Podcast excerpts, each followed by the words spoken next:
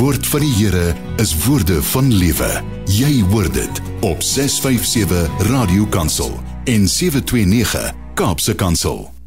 U is vir my het Kings Collective gesing. Goeiemôre, dit is tyd vir met hart en siel. Ek is Christine Ferreira en ons gaan saam kuier hier op Radio Kansel en Kaapse Kansel soos altyd op 'n Dinsdagoggend tot 11 uur. Ja, baie baie welkom. Um, ek sien uit na 'n vol program vir oggend. Ek gaan gesels met Stefan Skotse oor onbeskryflike genade. Gerard Lindekie van die Bybelgenootskap van Suid-Afrika vertel meer oor die 90ste bestaanjaar van die organisasie en baie spesiale feesvieringe wat hiermee gepaard gaan. En dan gaan skrywer Jan Vermeulen gesels oor sy jongste jeugboek om 'n leeu se bek toe te bid. En dan sluit ons ons program af met 'n stilte tyd meditasie deur Melanie Vosloo. So bly gerus ingeskakel vir sielskos en inspirasie. En ek gaan begin om vir ons te lees uit Psalm 91. Ehm um, sommer net vers 1 en 2 wat sê: As jy na die Allerhoogste God toe gaan, dat hy jou moet oppas, kan jy van een ding seker wees. Die Almagtige God sal jou bewaar. Jy kan vir die Here sê: U beskerm en bewaar my. U is my God op wie ek vertrou. Nou gaan gesels, ek gaan nou gesels met Stefan Skotse oor sy boek Onbeskryflike Genade en ek gaan vir ons 'n stukkie uit die proloog lees uh, voordat ons begin gesels en en Stefan skryf Ek het 'n onblusbare drang binne in my om my siel parol te gee. Te skree, jy's vry, leef nou. Die bomontploffings van 24 Desember 1996 kan nie die hoogtepunt van my bestaan wees nie. Dit gaan altyd my grootste verkeerde keuse bly, maar hoogtepunt Ek weier om dit te aanvaar.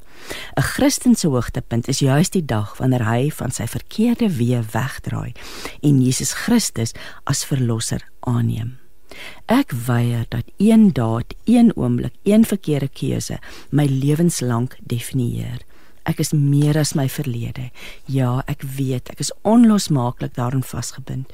Met soveel bloed op my hande kan ek nie my verlede sommer net so afskud nie. Tog kan ek iets byvoeg. Nee, nie kan nie, ek wil. Hierdie is my sug na 'n ligter las by waters waar daar vrede is. Sjoe. En dan eindig Stefans die die prolog om te sê ek is Stefans Kotse. Ek is 'n kind van God. Ek is 'n man en 'n pa en ek is nie my verlede nie. Môre Stefans. Goeiemôre, hoe gaan dit met jou? Dit gaan goed met my en is my so lekker om vanoggend met jou te kan gesels. Ehm um, ek dink oh, ons ons loop mekaar so almekaar mis. Ehm um, COVID het gebeur en allerlei dinge, maar Stefans is baie lekker om vanoggend met jou te gesels en baie baie welkom by ons program ons gesels juis in Klerksdorp, so ons gesels al die pad van daar af met jou uit die uit die Noordwes uit. Stefans, jou boek Onbeskryflike Genade is pas deur Lux Werby gepubliseer en is nou vars op die rakke en um, ek wil graag vanoggend bietjie met jou hieroor gesels. Ek het die boek die naweek gelees en wat my opgeval het was dat ehm um, ons gaan daaroor praat net nou daar's baie lewenswyshede vervat in hierdie boek en en en en ek wil graag met jou gesels oor daai goed wat so in jou hart leef. Maar voordat ons daaroor praat, wil ek nou vir jou vra wat het jou laat besluit om hierdie boek te skryf en hoe verskil dit van jou vorige boek Wit Wolf die Woesterboomplanter se storie van bevryding? Baie baie dankie. So Wit Wolf, ehm um, die Woester Bomplant storie van bevryding is aanvanklik net geskryf om vir die mense die storie te vertel, maar dit was 'n tool wat ek kon gebruik het op mannekampe ehm um, nadat ek weg is. En ek het ek moet ook dis soos jy in die boek sien lei ek aan depressie of ek leef saam met depressie saam maar gewoonlik as jy op 'n kampus dan vertel jy vir die mense hoe goed gaan hmm. dit en baie keer kom jy vrae op het jy jouself vergewe en dan hang die antwoord af waar jy op jou lewe is. Ja. En wat toe gebeur het so 2 jaar Desember, November verskyn daar 'n uh, opskrif in 'n uh, uh, kop by rapport se aanlyn bomplante skryf resensie oor ondersoekende joernalis en op daai oomblik toe voel ek down om te sê jy's ongeag wat ek doen. Ek ja. kan nie van my verlede weg nie. Ek is en en, en ek weet nou jy voel so separeerd, jy voel sleg. En ek het toe die die proloog wat jy lees um, met al die vloekwoorde en al die emosies uitgeëdit was eintlik my dagboek inskrywing van die ja. aand gewees. Ek het so sleg gevoel. En toe voel dit of half of die Here vir my vra, "Maar hoekom pla dit jou? Kom hoekom pla dit jou?" Ek meen jy was 'n bomplanter. En ek het toe besluit, weet jy wat, ek het aan baie dinge kommit. Dis tyd om 'n jaar of 2 aan myself te kommit. Hmm. En dit is hoe die boek ontstaan het. Dit is 'n ek wil al sê joernaal absoluut eerlik met my eie siel waarin ek myself konfronteer. Dis kom my nie ehm um, dit wil gaan jy sien is baie ehm um, kronologies van A tot Z. Hierdie een nie heen bring ek gedagte en hmm. hoe ek op daai oomblik voel want dit is tog wat jy met 'n joernaal doen.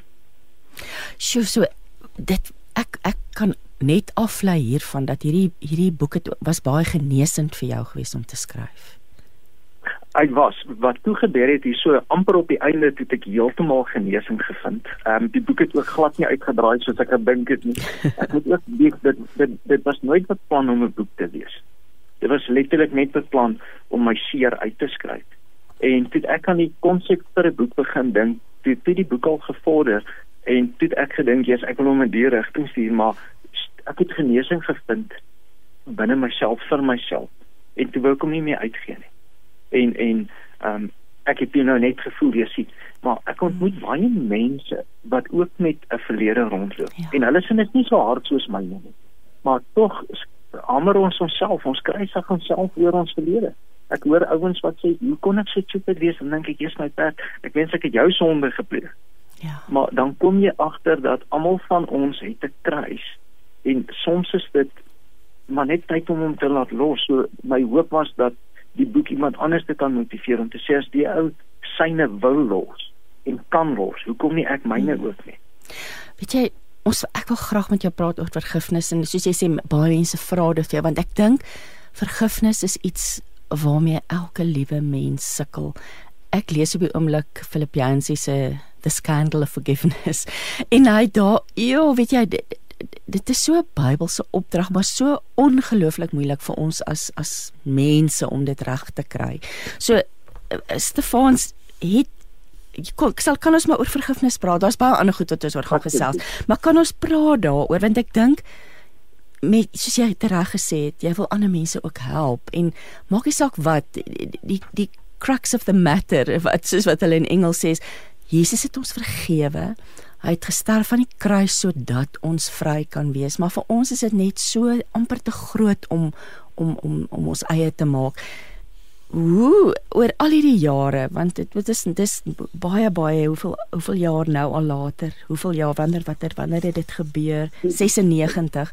Ehm um, so baie goed het met jou gebeur en jy beskryf so eerlik en in diepte in hierdie boek hierdie klein goedjies wat met jou gebeur het en veral nadat jy uit die tronk gekom het en maar ek wil nou vir jou vra jou reis na vergifnis en dit is 'n op en af reis maar iemand vandag luister en soos jy net reg gesê het joh ek wens dit ek kon maar jou las gehad het wat sê jy vir hierdie mense oor hoe was jy daai reis wat jy beleef het tot te, ek neem aan dis nog steeds 'n reis maar die vergifnisreis vertel vir ons 'n bietjie meer So ek het ek begin het met die hele proses. Dit was dit eintlik in die tronk gewees. Ehm um, ek wou my slagoffers ontmoet het om net vergifnis te vra vir die vir die kinders, maar obvious my motief was nie reg nie.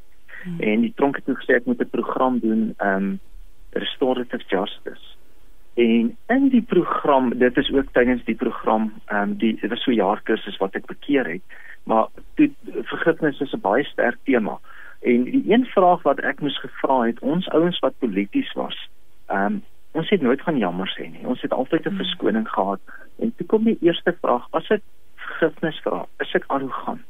Verdien ek om vergifnis te vra? En ehm um, hoe lyk vergifnis as jy moord gepleeg het? Hoe vra jy dit? En die ander kant is as ek nie gaan vra nie, is ek nie 'n lafaard en dan gebruik ek man die victims het aanbeweeg as 'n verskoning om man bestaan nie. So my my proses het met dit begin en ek moes in die begin baie oplees en ek dankie aan vriende wat wat my goed gebring het oor die neo-nazis want ehm um, hulle moes in in seker dit geval apologie doen en by die DVK staan niks nie. Almal het net gesê die ou te opdrag gegee of ehm um, ek die opdrag uitgevoer. En toe toe dit was 'n baie lang kursus gewees. Ehm um, hy uh, was aanvanklike jaar maar het 2 jaar toe gegaan En so ons het toe geleer daar's drie mense. Die eerste een is mense, in my geval ek het moord gepleeg. Ehm um, in die tweede geval is dit jouself, maar ons sal terugkom na hom. Toe in die derde een is God. En nadat ek dit uitsorteer het, toe begin die peace train. Ek het my slagoffers ontmoet en ehm um, ek het toe op 'n manier gedink ek het vergifnis afgehandel want ek het vergifnis gekry deur die victims. God het my vergewe. Hmm. En ek het my ma vergewe en die prentjie is mooi en um, ek kon nou half net my honeymoon fase nadat jy uit is op parol dan kom jy agter daar seker goed in die praktyk wat nie lekker klop ja. ongeag hoe Christen jy is nie en um, dan is selfvergifnis vir my die moeilikste is baie maklik dit is moeilik om na iemand toe te gaan sê ek's jammer maar is moeiliker om jouself te vergewe hmm. veral as jy 'n dom besluit geneem het wat en ons kan enigiets wat van 'n ou wat drugs gebruik het, ou wat 'n buiteegtelike verhouding gehad het, ehm um, baie goeders is daai die moeilikste want jy's kwaad vir jouself. Ons is soms harder op onsself en dan dan is dit 'n op en af reis en en totdat um, in my geval nou ek besluit weet jy wat is tyd om jou demon te te face. Ja jy jy haat jouself. Um, ek sê dit baie. Ek gaan staan in 'n kerk en ek sê God is groot, maar die mense weet nie ek wil selfmoord pleeg. Nie die mense weet nie my speels in my woonstel is toegeplak nie. En as jy jou haat, hoe kan ek 'n vrou lief hê? Hoe kan ek my seun lief hê? Ja. Stefans, dit is eintlik net ongelooflik en onbeskryflike genade, nê? Ons is terug daarby, want eintlik net slegs deur die genade, um, kan ons dit reg kry. En is hmm Jo, ek die die boek het my regtig diep geraak want daar daar's momente wat jy beskryf oor hierdie vergifnis ook waar die die die ma gesê het my boy, come here. Wat sê jy eintlik toe nou teen haar bors druk as ek dit nou reg kan onthou. En, ja. en en die momente wat ja, uit iets in ons binneste wil dit graag doen nê.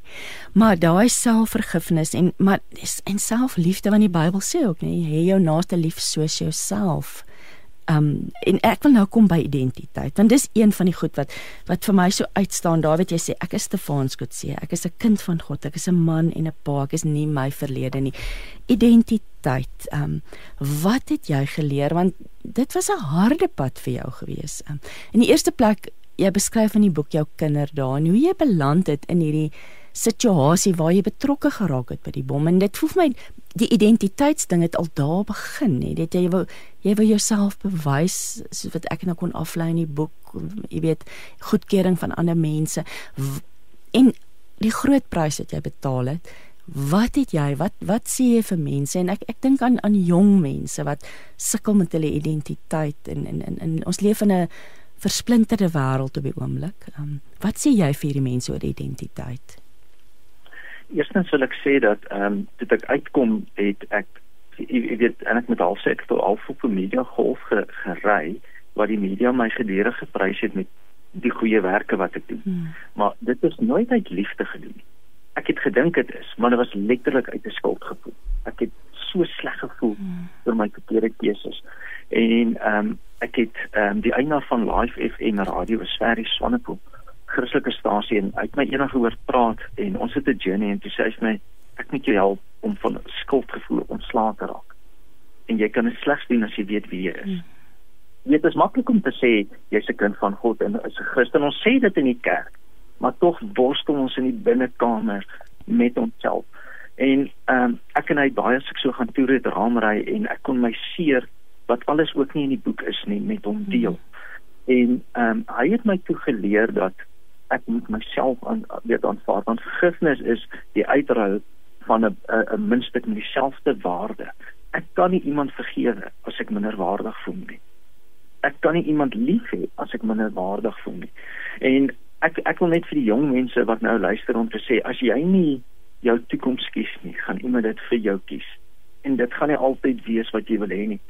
Want as 'n jong seun neig jy na 'n pa of 'n heldfiguur. Ek meen ons het groot geword in superhelde en Arnold en Sylvester en jy wil hulle wees want want dit is waarvan die meisies hou. En as jy nie weet wie jy is nie, sal jy dinge doen om daar te wees. In my geval wou ek so graag net iets wees dat dat aanvaar word 'n uh, basiese menslike behoefte dat ek bereid was om dood te maak. Ek was bereid om om om die ultimate te doen net om iets te wees. En ek dink die Bybel sê vir ons buig die boontjie terwyl jy te jonk is. Help my jy buig hom as die boontjie nie weet wie sy nie, want dan gaan jy hom verkeerd buig. Jo, weet jy, mens kan ook nie die invloed nie van van van die politiek en ons gaan bietjie nou-nou daaroor gesels, maar daar was soveel faktore gewees. Ek dink dit, dit maar die soos jy dit in die boek ook beskryf, kry mens begrip en dit was vir my lekker gewees om te besef maar wat het gebeur en dit is so lekker dat jy eerlik daaroor was. Ek wil nou terug by die identiteit. Stefans van 1996 en Stefans van 2023 twee verskillende mense of is daar wat wat het jy ontdek? Wat het jy ontdek nou na al hierdie jare? Was daar van was daar 'n 'n flonkering of 'n liggie iets van wat jy toe was nog steeds oor in jou? Ek moet vir jou eerlik sê, ek ken nie meer daai seun nie. Daai seun wat daai bom geplant het, ek weet nie wie hy is. Ek lees in die koerante van hom en ek sien hom op film. Maar ek ken hom nie my my vrou gaan vir jou sê baie keer as die mense vra hoe voel dit om met 'n bomplanter getroud te wees sy weet nie wie sy nie. Um, dit is baie jare terug. 'n groot gedeelte van my lewe het ek in die tronk nog steeds daai daai haat geleef. Mm -hmm. maar ek het ek ek het toe ek uit die tronk gekom het uitvind waarvan hou ek. Ek meen as kind wat tronk toe gaan en ek ek veronderskuldig nie nou om te sê kind is tronk ja, nie. Ja. moet is moet of jy volwasse is of 'n kind. Maar is ek dink al ag amper 28 jaar later ek ek sien nie daai man nie. Maar weet jy Stefan, wat nou vir my so interessant is, is hoekom want dit was daai etiket wat in jou gehang was wat weer iets in jou losgemaak het toe hulle sê bomplanter skryf resensie. Hoekom hang ons etikette om ander se nekke en om onsself? Wat wat is dit wat dit veroorsaak, jy weet, want dit veroorsaak eintlik soveel pyn. Ek het nie al die antwoorde nie. Ek sit en kyk in my eie lewe. Ek dink soms is dit ek verstaan nie iets nie. Ek is onseker oor iets. Ek is jaloers oor iets en dan hang ek ek sê kyk, kom ons gaan na 'n klein dingie toe. My sussie toe sy klein was, het ons al vetsak genoem. Ons was net jaloers op haar want sy was my ma se witbroodjie. En dan dan gebruik ons se woord om deur te sit. Ehm um, ek probeer nie etiket nie. Ehm um, ek probeer selfs ek ek het 'n passie om saam met die EFF te braai want ek onthou met my eerste braader en sê ek kan nie glo jy wil saam met hulle braai nie te sê want ek wil die mense ontmoet jy kan nie die mense ontmoet as jy etiket het nie as jy my sien as 'n bomplanter ongeag wat ek vir jou sê jy gaan nie luister nie hmm. maar as jy sê weet jy wat dis ou wat in die tronk was wat sy hart vir die Here gegee het Um, kom ek luister wat hy sê dalk het hy bietjie wysheid in die lewe opgeroep. Nie nie alles goed nie, maar ek meen as jy lank die verkeerde pad geloop het, het jy dan hier en daar goeie raad ook. Stefans wat vir my ook opgeval het as hoe moeilik dit was toe jy uiteindelik op parol kon gaan. Hoe moeilik daai stuk was. Dit het my baie diep geraak. Vertel ons 'n bietjie meer oor wat met jou gebeur het toe jy die eerste keer kon vry vry wees. So ek wil ek wil jy moet onthou dat die lewe toe ek tronk toe is, het jy heeltemal verander soos hy nou is. Ja. Ons het nie selfone gehad nie, ons het nie Facebook gehad nie. Ehm um, al hierdie tegnologie was nie daar nie en ek was nie 'n computer game speel nie. Ek het nog by die games by die TV speel met die met die munte en vir my het te ja. sien 'n uh, 'n seentjie het gaan 'n rappie speel in die middag en hy het om die blok geloop. Dit was nie hierdie en ek ek is nou niks negatief nie. Ek vra net soms hoekom is almal buite in tronke? Jy sien geen mens meer op die straat nie. Niemand loop nie. Jy weet, hmm. sit voor die TV, voor die boeke, voor Facebook. Ehm uh, en so toe ek dis die seun wat tronk toe is en toe ek uitkom toe dis dit hierdie hele tegnologie era maar dan was dit ook moeilik vir die eerste keer in 19 jaar kon ek 'n boom sien en dan vat. Hm. Vir die eerste keer in 19 jaar kon ek gras sien, my skoene uittrek en kalf op dit loop. Dis simpel goed, maar ek meen is iets wat jy nie binne sien nie. Ek kon 'n kind oorlag. Jy weet, daai daai iets anderste wat jy nie binne kry nie, want onthou as jy binne is, mis jy dit maar ook die son wat warm is en nou moet jy begin aanpas. Ek onthou ek wou net terug tronk toe gaan. Die die die noise, die die klank was te veel. Ehm um, die kleure was te veel en dit was was net te uh, oorweldigend. Ehm um, die aanpassing gewees en dan heeltyd moet ek ehm um, ek moet sê ek maak dit. mense wil hê ek moet dit maak want erns het 'n koran berig opskrif gesê poster boy of reconciliation. So jy moet dit maak. Jy kan nie net dit nie maak nie. Jo, en natuurlik jy het ook vir Deedrey ontmoet en dit het jou hele lewe verander. Jy's nou pa van drie seuns, David jou eie seun en sy twee broers Emmanuel en Dian. Um dit moes 'n reuse verandering in jou lewe gebring het. 'n Vastigheid, nê? Nee. Ja, ek wil net gou iets daar sê as ek as ek mag. Iemand het in my tronksel onder die tralies geskryf Jeremia 29 vers 8. En as jy in die tronk is, wil jy daai vers uit die Bybel uitskeer. Ek weet nie hoe voel dit vir jou of iemand wat nou hier luister nie, maar partykeer as jy deur 'n moeilike ding gaan, dan stuur iemand vir jou WhatsApp prentjie dan tyd blommetjies op en dan staan daar Jeremia, ek weet, dan, dan dan wil jy dit nie glo nie, want dit is nie hoe dit nou voel nie. En as jy vir elke dag nog steeds pad moet eet, maak hy Bybelvers nie sin nie ja, jy weet jou omstandighede verander nie. Hmm. En 8 jaar is lank. Ek het dit was 8 jaar nadat ek bekeer is wat ek nog in die tronk was. En toe ek uitgaan die eerste dag, toe kon ek sê wat Dawid die Here sê ek weet wat ek vir jou beplan, toe kon ek dit voel. Toe ek Deedrey ontmoet, toe kon ek regtig sê Here, U weet wat het U vir my beplan. Maar toe ek my seun vassit, oh. toe daai vers vir my totaal volmaak geword, daar is vir my geen groter plesier in die lewe as man en pa wees nie. Ek geniet dit met my hele hart. Ehm um, as ek sê ek is ma en pa, bedoel ek nie my vrou doen niks nie, my vrou werk verskriklik hard, maar jy moet onthou ek het babietjie min of meer 3 ure na werk. Weet, so sy ja. kan nie dan nou nog wil doeke change nie want wanneer kry my weer? En ek kyk nou self versigtig, maar ek wil ook ek wil ook mos my weet hê. So die redeling is ek staan in die aand op, hy slaap by my, ek bad hom. My vrou help alwees maar ek probeer waar kan alles doen. Bloot net ek het net menslik gesproke 3 ure deur die dag van. Want die res van die ure werk ek. Jo, was te fons. Een van die goed, ek wou dit is net so lekker om te hoor, maar ek dink as 'n mens deur diep waters gegaan het en watter diep waters ook al is, daar as jy daar uitkom aan die ander kant, as jy uit daai dal van doodskade weer gaan, die dinge wat jy van die lewe wat jy dan so absoluut opreg waardeer. En nou wil ek net vir jou vra want um, jy jy ek, ek gaan nou net vir jou vra oor jou mentors en maar jy verwys baie na Johan Pinaar se boek Die dag toe die rowers opgedaag het. Dis ook 'n boek wat 'n groot impak op my lewe gemaak het. Die waardering van die klein goed. Wat wat is die klein goedjies boonbehalwe nou hierdie lekkerte van jou kind? Wat is die goed wat jy nou absoluut waardeer en met nuwe oë na kyk?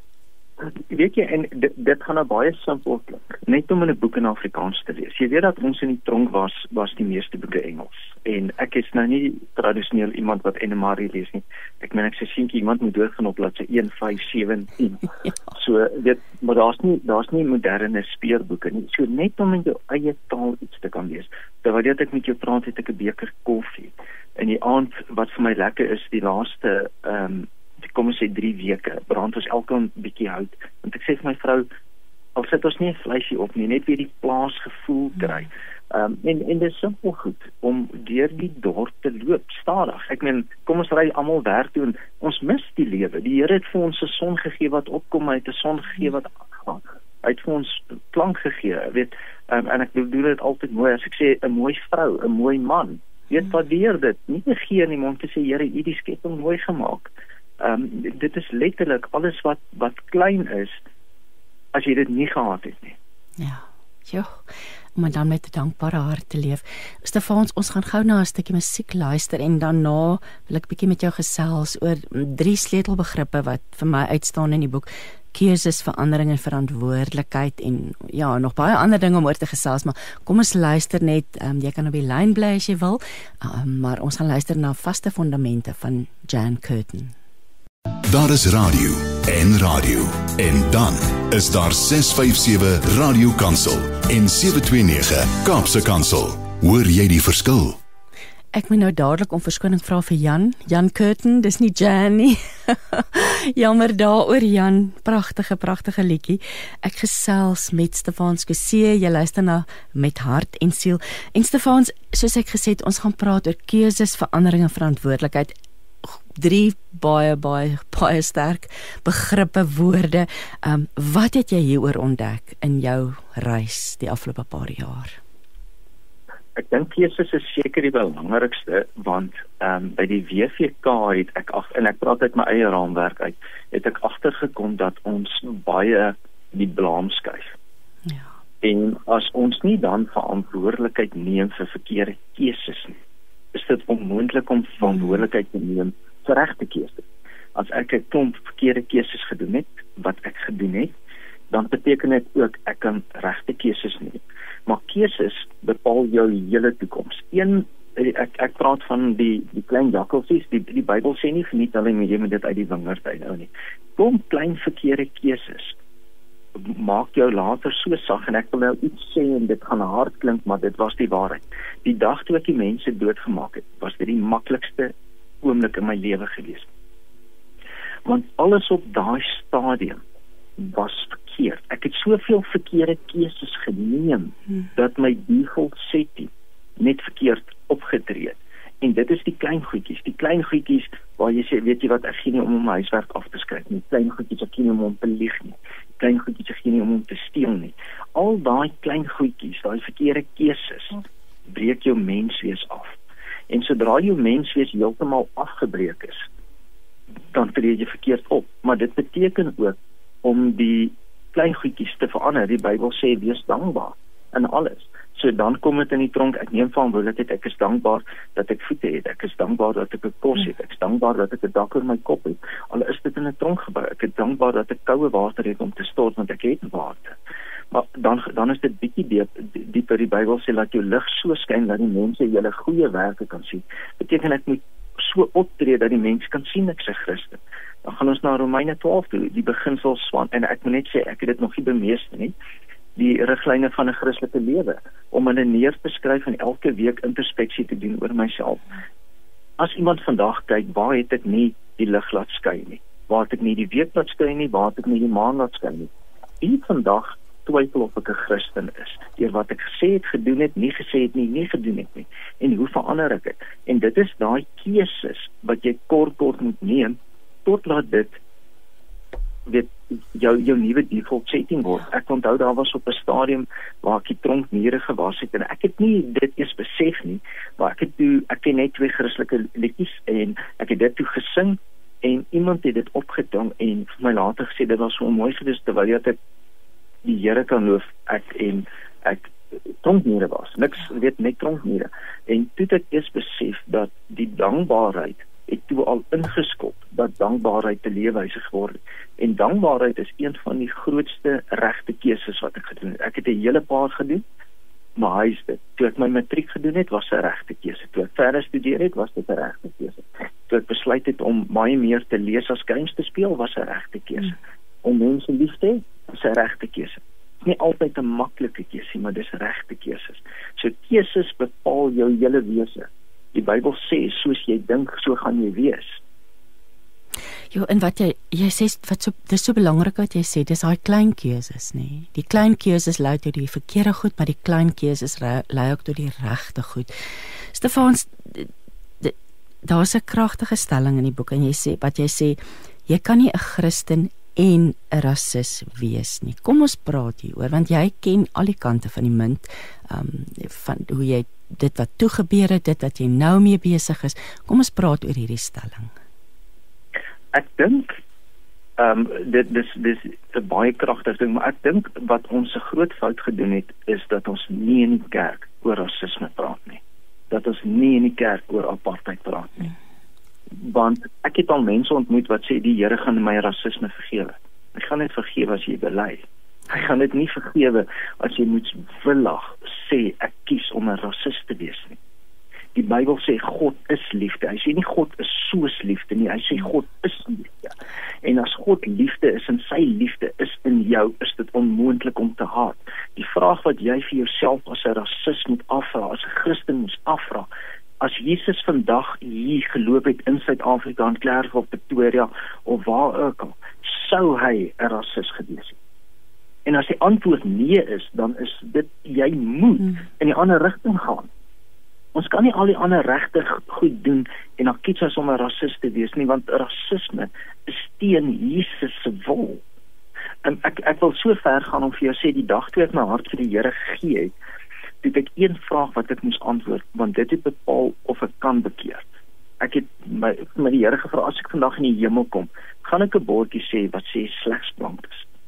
As daar 'n bordjie daar is, het ek nie gesondig nie, dan het ek nie nodig om te bekeer nie.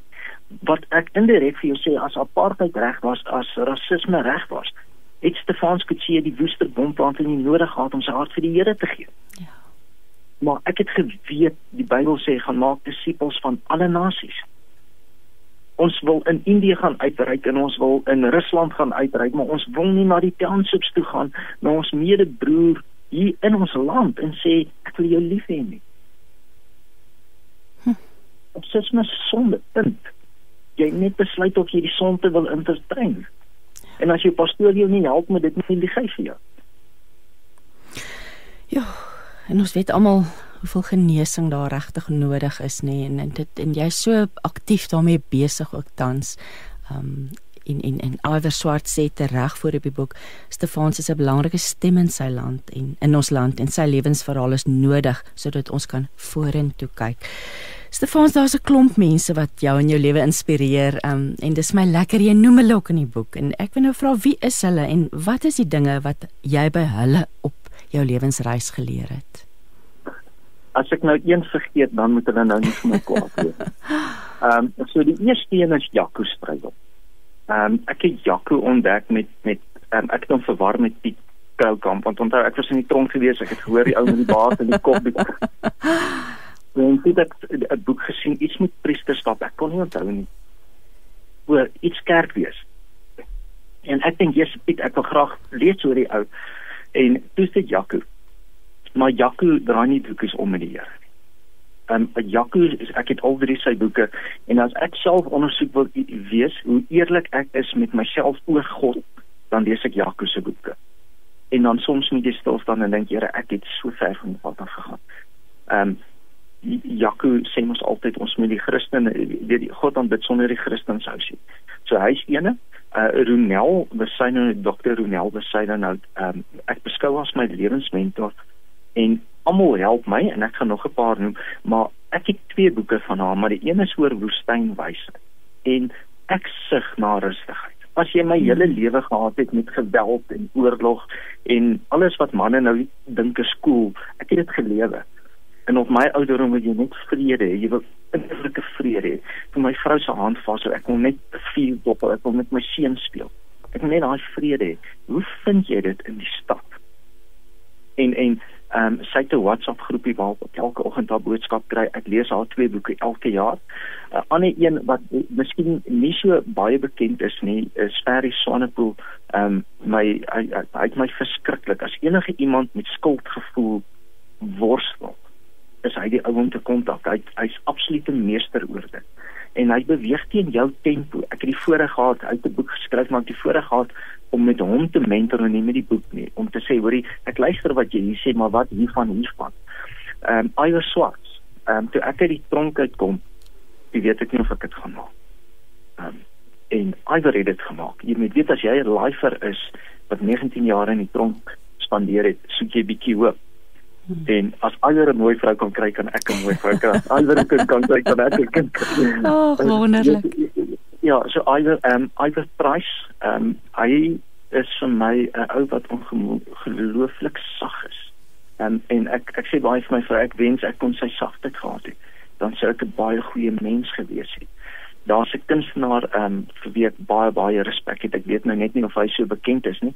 Ek nou net vinnig aan sy naam dink. Jy's nou baie vinnig op my.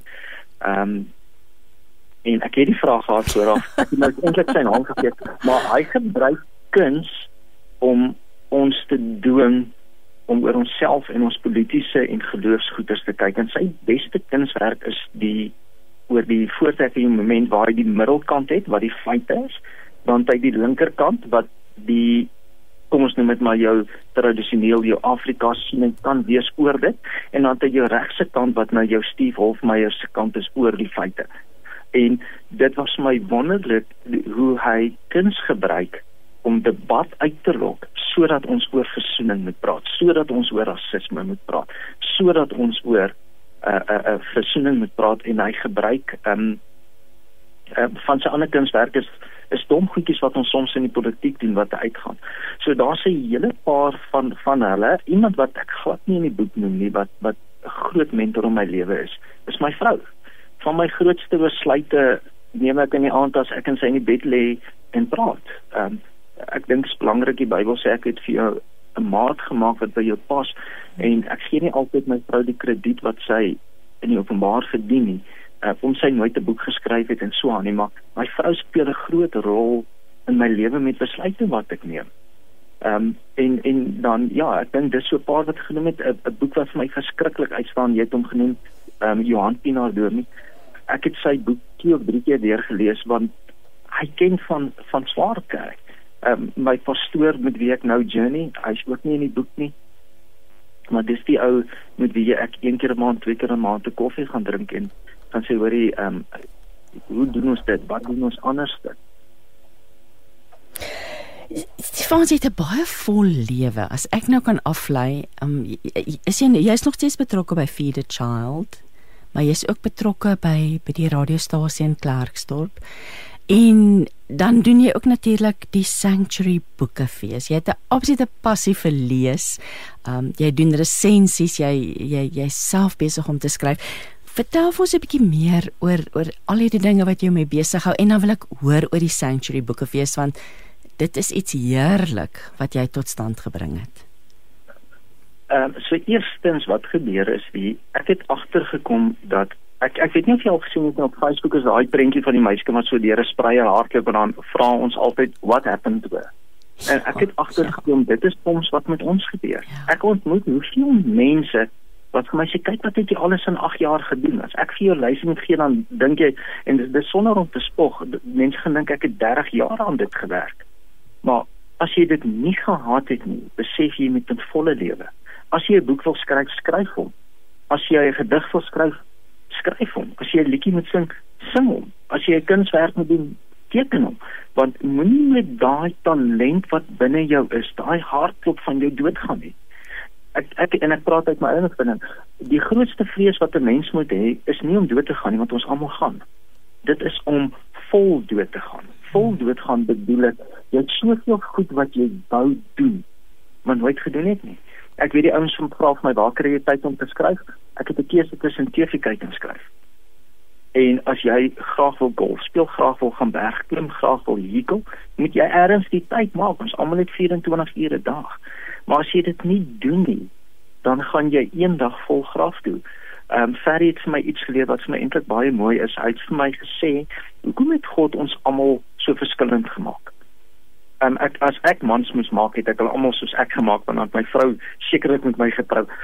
Maar maar die Here het ons almal verskillend gemaak. En hoekom? Omdat ons iets van hom leer. So as jy nie daai volheid van jou teruggee nie dan ontneem jy iets van jouself wat die Here vir jou gegee het om in die wêreld agter te laat al is dit net een boek al een gediggie Um, en ek die die die voordeel met die radiostasies buite dat ek radio-onderhoude kan voer is ek's baie lief vir mense. Ek by jy weet self by 'n radiostasie ontmoet jy die mooiste mense. Ja, dis waar. ja. En as ek iets oor die boekfees mag sê, ehm um, ek het regtig 'n passie vir lees. Lees bring ritme in my siel. Ehm um, ek lees omtrent elke dag en ek wil graag iets teruggee vir Afrikaans. Jy weet dat ons kla altyd oor alles. Dit is maklik om te sê ja, die tydskrifte gaan dood. Hmm. Ehm um, of skrywers, maar wat doen jy? En ek het eers begin met boekbekendstellings, boekfees, my eerste boekfees het letterlik 14 mense opgedag. Ehm um, was vyf skrywers 14 en ek het een boek verkoop. Ja, ek het so sleg gevoel, maar dan gaan jy terug drawing board en NB het my in spesifiek ewen Pinaar van NB het my gehelp en met ons eerste sanctuary boekfees het ons 430 mense gehad. En dit is net my manier om terug te gee aan Afrikaans, maar ons wou 'n bietjie anders te doen. Al die feeste is musiek by en drama by en dit is goed so. Ons sin is net boeke. Hier's 430 mense wat net boeke koop en ons wil oor boeke gesels. Ons wil nie kuns kyk nie, ons wil nie musiek luister nie, ons wil oor boeke praat. En met dit ontmoet ek die skrywers wie ek graag wil ontmoet. Jy weet, jy weet as jy klein seentjie is en dan versamel jy maar die handtekeninge van die ouens wat so vinnig hardloop. Nou ek versamel die handtekeninge van die skrywers van wie ek hou. So ek moet hulle Kersfees boekfees toe uitnooi sodat hulle kan kan teruggee. Maar saam met dit leer ons onbewuslik vir hulle van leefliefde.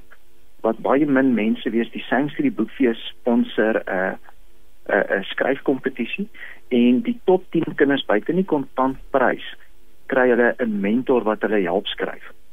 En dit is belangrik want nou het jy die 10000 rand gewen, maar wat dan? Maar wat dan van as 'n ervare skrywer jou help om te skryf? Ja.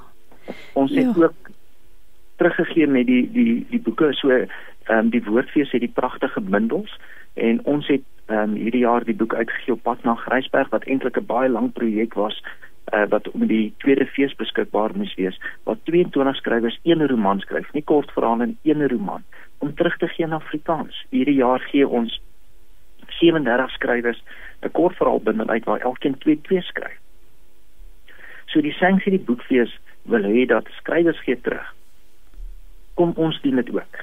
En ek sê dit nou mooi, as 22 skrywers saam kan staan, hoekom kan die land nie saam staan nie? Absoluut. En as 37 skrywers terug kan gee, hoekom kan Suid-Afrika nie terug gee nie? Absoluut, Stefans. Ek wil net vir jou vra Het hy wanneer dit was Oktober wanneer wanneer vind die Sanctuary Boekefees hierdie jaar plaas? Het ons al 'n datum? Ja, ons het 'n datum 3 November is dit ehm um, 'n uh, 'n uh, daarna Snyland en 4 November is dit die amptelike fees. Ons het mos die twee dae. Die een dag wat baie op kuier is, so ons eet gewoonlik saam en want dit is vir my belangrik dat die skrywers en die lesers kuier jy weet ek ek probeer dit mooi sê as jy saam met 'n skrywer kuier vir wie jy nooit ontmoet en jy kan jy agterkom hy is eintlik 'n nice ou kom ek koop sy boek. Ja. Ek maar jy ontmoet die persoon agter hom. So ja. die vrydag aand is daarna en ek wil ook net sê die fees het so groot geword dat ons as radiostasie kon nie meer dra nie ehm um, nie nie net finansiëel nie maar ook spasie gewys so Klerstop rekord ons plaaslike ehm um, koerant het ingekoop so dit is nou die Klerstop ehm um, lees dit fees lees dit is die program wat ons by Laathof en aanbied oor dit so ons het 'n groter venue vir parkering en mense om alles net te akkommodeer. So dit is nou ehm um, en ons hoop om in die toekoms om nog groter te gaan. Jo, Stefans, het sou jy ooit dit kon droom? Sou jy dit kon droom daar waar jy in die biblioteek in die tronk sit en boeke die, weet eh, selektief boeke moet uitkies om te lees want daar is nie. Het jy ooit gedroom jy gaan 'n boekfees kan aanbied eendag? Nee, glo nie. Ek ek ek obvious as ek terugkyk oor my lewe gaan my vrou en my kinders my grootste prestasie wees. Ja, ja. Maar na dit gaan net die sensory boekfees wees. Ek wil nou vir jou um, vra so ter afsluiting, ons praat nou van droom. Waaroor droom jy nog? Wat wil jy graag nog bereik en doen? Vir die res van jou lewe? Natuurlik is dit eerstes, ek wil regtig eendag met my seuns opkyk na my. Want ou daar's 'n mm. harde paadjie wat hulle voor lê met mense wat hashtags op my gaan gooi ja. op hulle. Ja. Ehm um, ek wil net my vrou moet weet sy't 'n goeie man. Ehm um, en en dat ek altyd daar eerstes vir haar. Maar buiten dit, ehm um, ek het 'n krimmie wat by ehm um, Indië moet lê binnekort. So ek wil my graag 'n lewe bou buite bomplanter. So my volgende boek is net 'n krimmie en is net kortverhale. Ehm um, tot dusver ons hou baie standpas uh, het ons ingeskryf ek en Annele Barnard vir 'n ehm 'n 'n 'n TV-reeks by Hollywood en ja. ons het nog nie uitgevang nie. Ons daar's nog 3 slaapies oor so ons hou dit vas. uh, so ja, is maar net om ek ek wil sê half voltyd skryf, maar wat ek daarmee bedoel is woorde is my manier om te dien. Ehm um, ek wil baie graag ons pastoor of 'n pastoor of iemand met 'n amazing storie se lewensverhaal skryf. Ek wil graag kinders aanmoedig om te skryf en te lees. Ek wil graag hê eendag as ek oud is met iemand sê, weet jy wat, op bladsy 218 in jou boek het ek die Here gevind. Oh. Ja, Stefans, dis absoluut 'n voorreg om met jou te gesels. Jy is 'n inspirasie vir ons almal. Ehm um, jy dra 'n boodskap van hoop wat ek dink so belangrik is in die tyd wat ons in leef en ek wens jou alle sukses toe en alle seën van die Here. Ehm um, dit was lekker om jou hart te leer ken vir oggend in hierdie kort uurtjie Maar ja, ek gaan net die titel van die boek herhaal ter wille van ons luisteraars. Stefan se boek Stefan Skotse onbeskryflike genade. Um, en dit is op die rakke word uitgegee deur Lux Werby. Ek is seker dis by alle vooraanstaande boekwinkels andersins op die NB webwerf. Maar Stefan alles wat mooi is vir jou en en en alles seën en nogmals nogmals dankie vir jou tyd en al jou eerlikheid vanoggend. Ek waardeer dit opreg. Baie dankie vir die blootstelling vir my, vir my boek maar ook 'n geleentheid vir mense om om hulle eie boek te skryf. Volgende jaar het jy met 'n onderhoud met iemand wat die boek gelees het en veilig geraak. Absoluut. Ons ons ons glo en ons ons, ons bid daarvoor. Stefan se mooi dag verder. Ons gaan nou voort en ons gaan luister na musiek en ons luister na Sonja Harold wat vir ons sing Blye Versekering. Een stem, een boodskap. Radiokansel 657 AM en 729 Kaapse Kansel maak impak op lewens van Gauteng tot in die Kaap. En dit was Sonja Harold met blye versekering.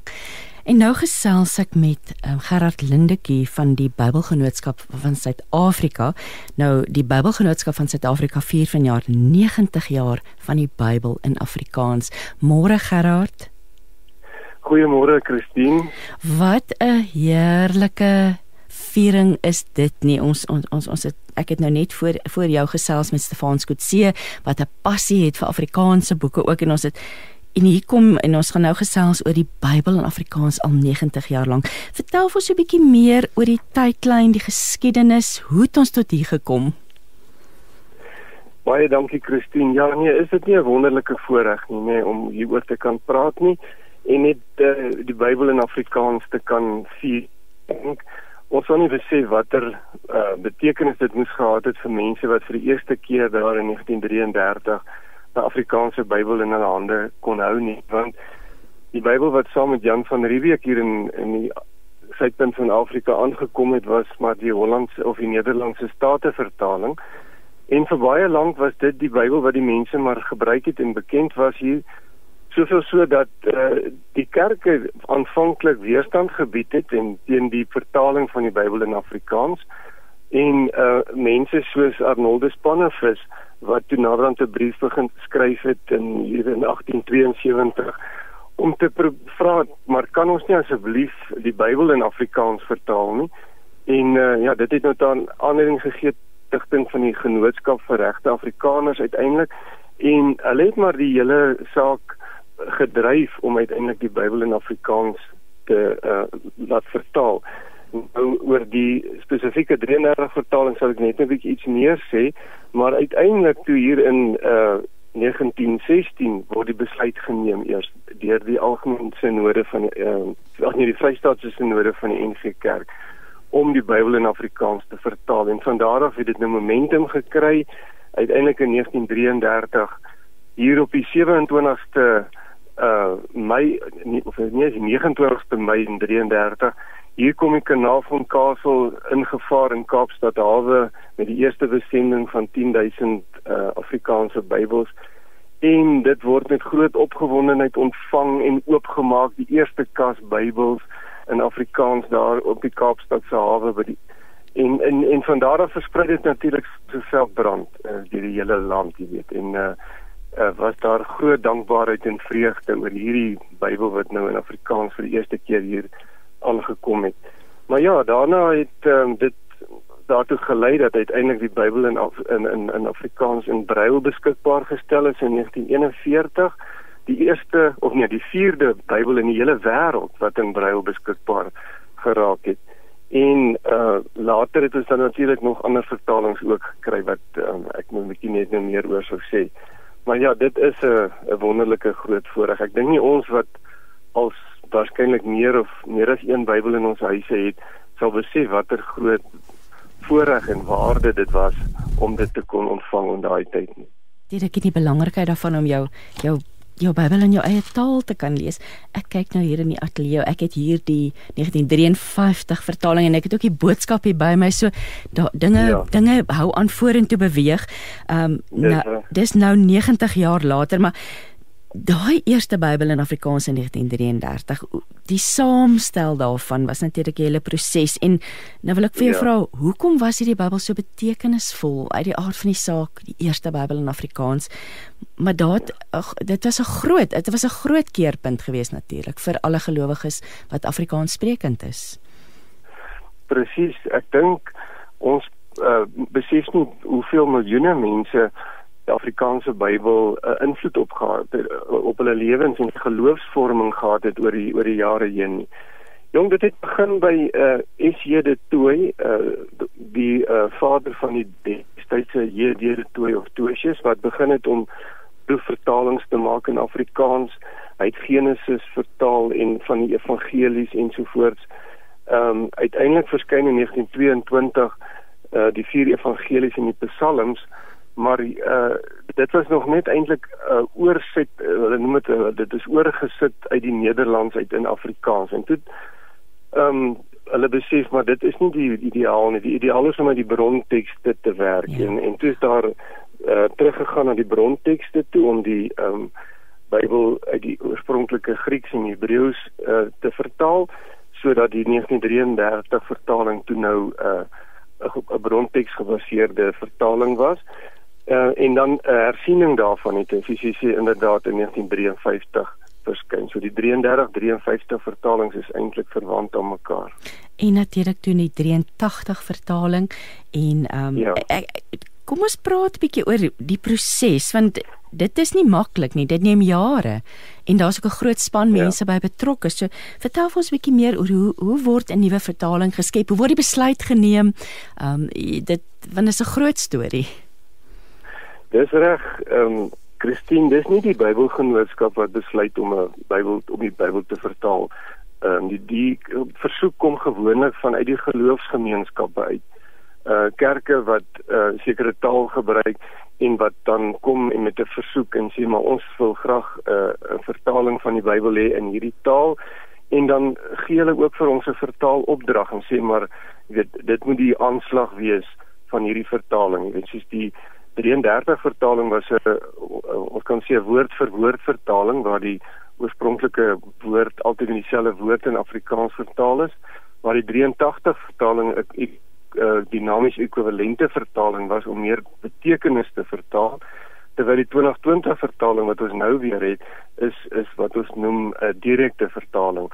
So die die vertaalopdrag um, speel ook 'n belangrike rol in die proses. Maar ja, jy's heeltemal reg daar is soveel mense betrokke by hierdie proses. Uh eerstens is daar brontaalkenners, natuurlik mense wat nou goed uh, Grieks en Hebreëus en Aramees uh onderlei is en verstaan en dit kan uh, vertaal uh akademici en dan is daar eksegete wat ook kyk na die uh, betekenis of die betekenis korrek uh, na vore gebring word in die teks en dan is daar taalkundiges baie belangrik nee Afrikaans taalkundiges wat kyk dat hierdie vertaling daarin taalkundig korrek is. So dit speel ook 'n groot rol want mense moet onthou taal verander ook, nee, oor die jare heen. Uh die die 33 vertaling het byvoorbeeld in in Psalm 33 ag uh, Psalm 1 gepraat van welgeluksalig is die mens.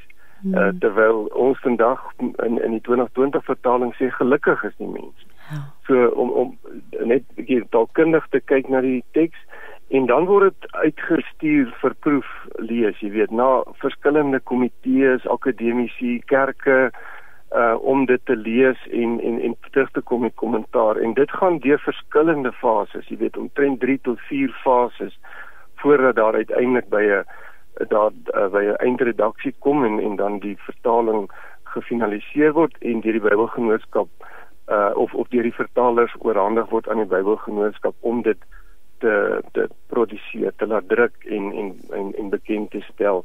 So ja, uh, jy weet die 2020 vertaling het het meer as 15 jaar gevat en daar was byvoorbeeld 41 kan ek maar sê uh akademici en kundiges betrokke gewees by die hele proses vanuit alle kerke. Ons het juist probeer om om om almal wat Afrikaans gebruik as taal in die erediens of in in die in die geloofstaas geloofstaal om om dit te akkommodeer.